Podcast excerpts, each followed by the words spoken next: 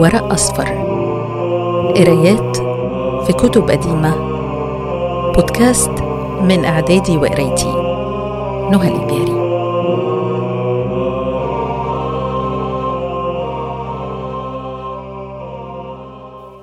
كليلة ودمنة. قصص هندية قديمة ترجمها عن الفارسية عبد الله بن المقفع في القرن الثامن الميلادي الثاني الهجري. باب السنور والجرذ قال الملك للفيلسوف قد سمعت المثل الذي ضربت. فاضرب لي الآن إن رأيت مثل رجل كثر عدوه وحصروه من كل جانب فأشرف على الهلكة. فالتمس المخرج بموالاة بعض العدو ومصالحته فسلم مما يتخوف ووفى لمن صالح منهم. فأخبرني عن موضع الصلح وكيف يلتمس ذلك؟ قال الفيلسوف إن العداوة والمودة والبغضاء ليس كلها تثبت وتدوم وكثير من البغض يتحول محبة ومودة عن حوادث العلل والأمور وذو الرأي والعقل يهيئ لكل ما حدث من ذلك راي من الطمع فيما يحدث من ذلك قبل العدو واليأس مما عند الصديق. فلا يمنعن ذا العقل عداوة كانت في نفسه لعدوه من مقاربته والتماس ما عنده إذا طمع منه في دفع مخوف ويعمل الرأي في أحداث المواصلة والمودة.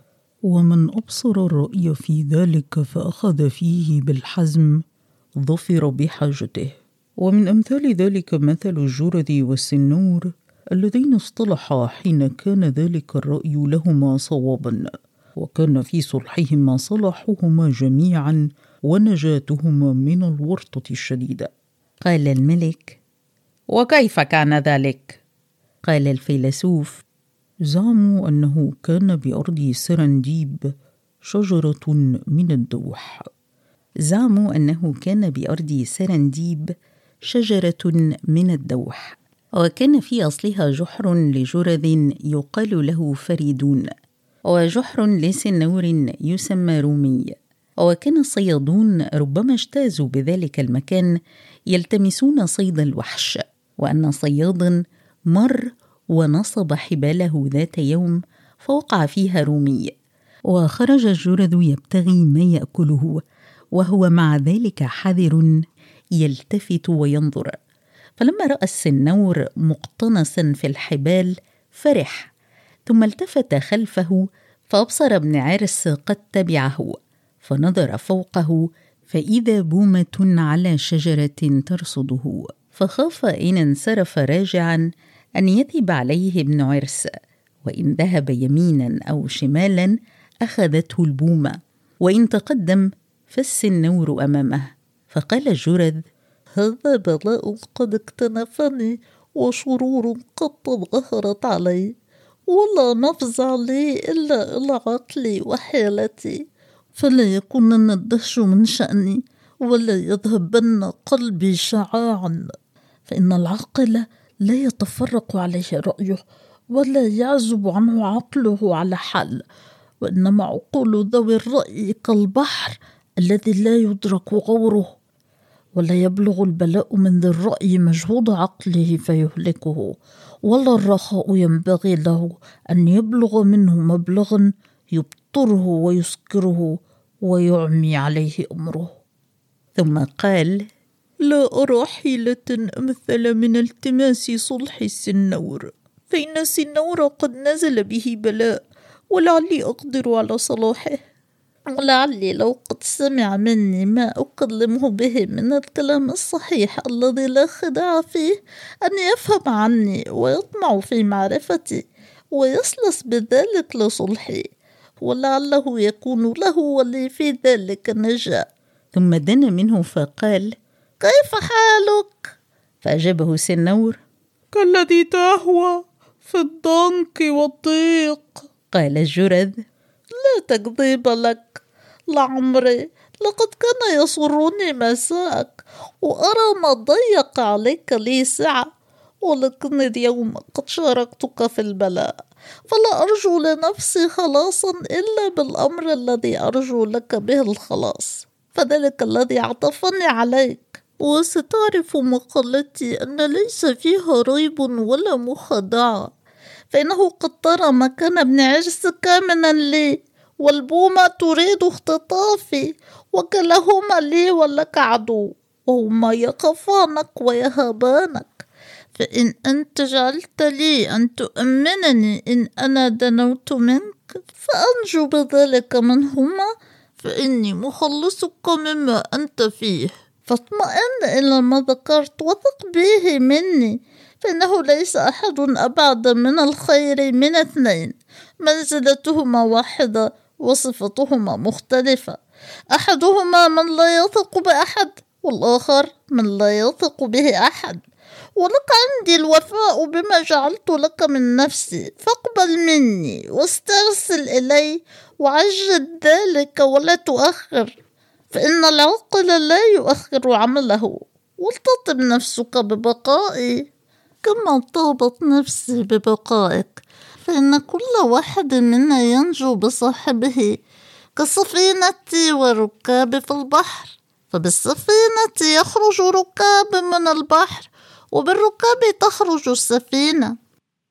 فلما سمع السنور مقالة الجرذ سر بها وعرف أنه صادق فقال للجرذ أرى قولك شبيها بالحق والصدق. فأنا راغب في هذا الصلح الذي أرجو لنفسي ولك فيه الخلاص. ثم أشكر لك ذلك ما بقيت وأجازيك به أحسن الجزاء. فقال الجرذ فإذا دنوت منك فليرى ابن عرس والبومة ما يعرفان به صلحنا فينصرفان آيسين وأقبل أنا على قرد الحبال. فلما دنا الجرذ من السنور أخذه فالتزمه فلما رأت البومة وابن عرس ذلك انصرفا خائبين. وأخذ الجرذ في قطع حبائل السنور فاستبطأه السنور وقال للجرذ ما أراك جدا في قطع رباطي. فإن كنت قد ظفرت بحاجتك تبدلت عما كنت عليه وتوانيت في حاجتي فليس هذا للكريم بخلق أن يتوانى في حاجة صاحبه إذا استمكن من حاجة نفسه. وقد كان لك في مودتي من عاجل المنفعة والاستنقاذ من الهلكة. ما قد رأيت وأنت حقيق أن تكافئني. ولا تذكر عداوة ما بيني وبينك فإن ما حدث بيننا حقيق أن ينسيك ذلك. وإن الكريم لا يكون إلا شكورا غير حقود. تنسيه الخلة الواحدة من الإحسان الخلال الكثير من الإساءة. وأعجل العقوبة عقوبة الغدر واليمين الكاذب. ومن إذا تضرع إليه وسئل العفو لم يعفو ولم يصفح. قال الجرذ الأصدقاء صديقان طائع ومضطر وكلاهما يلتمس المنافع ويحترس من المضار فأما الطائع منهما فيسترسل إليه ويوثق به على كل حال. وأما المضطر فإن له حالات يسترسل إليه فيها وحالات يتقى فيها فلا يزال العاقل يرتهن منه بعض حاجته ببعض ما يتقى وما يخاف. وليس عامة التواصل والتحاب بين الناس إلا التماس عاجل النفع. وأنا واف لك بما جعلت على نفسي ومحترس من أن يصيبني منك مثل الذي ألجأني إلى صلحك. فإن لكل عمل حينا وإن لم يكن في حينه فلا عاقبة له. وأنا قاطع حبائلك لوقتها غير أني تارك عقدة واحدة أرتهنك بها فلا أقطعها إلا في الساعة التي أعرف أنك عني فيها في شغل. ففعل ذلك وباتا يتحدثان حتى إذا أصبحا إذا هما بالصياد قد أقبل من بعيد. فقال جرذ الآن جاء موضع الجد في قطع بقية حبائلك. فقطع حبائله ولم يدن منهما الصياد حتى فرغ الجرذ على سوء ظن من السنور ودهش. فلما أفلت عدا إلى الشجرة فصعدها ودخل الجرذ الجحر فأخذ الصياد حبائله مقطعة وانصرف خائبا. وخرج الجرذ بعد ذلك من جحره فرأى السنور من بعيد فكره أن يدنو منه. وناداه السنور أيها الصديق ذا البلاء الحسن ما يمنعك من الدنو مني؟ لأجزيك بأحسن ما أبليتني. هلم إلي ولا تقطع إيخائي فإنه من اتخذ صديقا ثم أضاع ود إخائه. حرم ثمرة الإخاء. وأيس من منفعة الإخوان. وإن يدك عندي اليد التي لا تنسى. فأنت حقيق أن تلتمس مكافأة ذلك مني ومن إخواني وأصدقائي. فلا تخافن مني شيئا. واعلم أن ما قبلي لك مبذول. ثم حلف له واجتهد على تصديق ما قال. فأجابه الجرذ أنه رب عداوة باطنة ظاهرها صداقة وهي أشد ضرا من العداوة الظاهرة ومن لم يحترس منها وقع موقع من يركب ناب الفيل المختلم ثم يغلبه النعاس. وإنما سمي الصديق صديقا لما يرجى من نفعه وسمي العدو عدوا لما يخاف من ضره. فإن العاقل إذا رجى نفع العدو أظهر له الصداقة وإذا خاف ضر الصديق أظهر له العداوة. أولا ترى أولاد البهائم تتبع أمهاتها رجاء ألبانها فإذا انقطع ذلك انصرفت عنها. وكما أن السحاب يلتئم ساعة ويتقطع أخرى ويهمي ساعة ويمسك أخرى. كذلك العاقل يتلون مع متلونات الأمور عن اختلاف أحوال الأصحاب فينبسط مرة وينقبض أخرى ويسترسل مرة ويحترس أخرى. وربما قطع المرء عن صديقه بعدما كان يصله بفضله فلم يخف شره لأن أصل أمره لم يكن عداوة. فأما من كان أصل أمره عداوة وتحدث صداقة لحاجة حملته على ذلك فإنه إذا ذهب الأمر الذي أحدث ذلك صار إلى أصل أمره. كالماء الذي يسخن بالنار فإذا رفع عنها عاد باردا فلا عدو أضر لي منك. وقد كان اضطرني وإياك أمر أخرجنا إلى ما صرنا إليه من المصالحة. وقد ذهب الأمر الذي احتجت إليه واحتجت إليك فيه.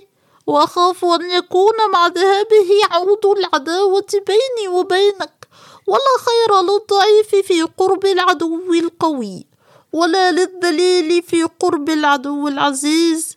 ولا أعلم لك في حاجة إلا أن تريد أكلي. ولا الضغط بك. فإني قد علمت أن الضعيف هو أقرب إلى أن يسلم من العدو القوي إذا هو احترس منه ولم يغترر به. من القوي إذا اغتر بالضعيف واسترسل إليه.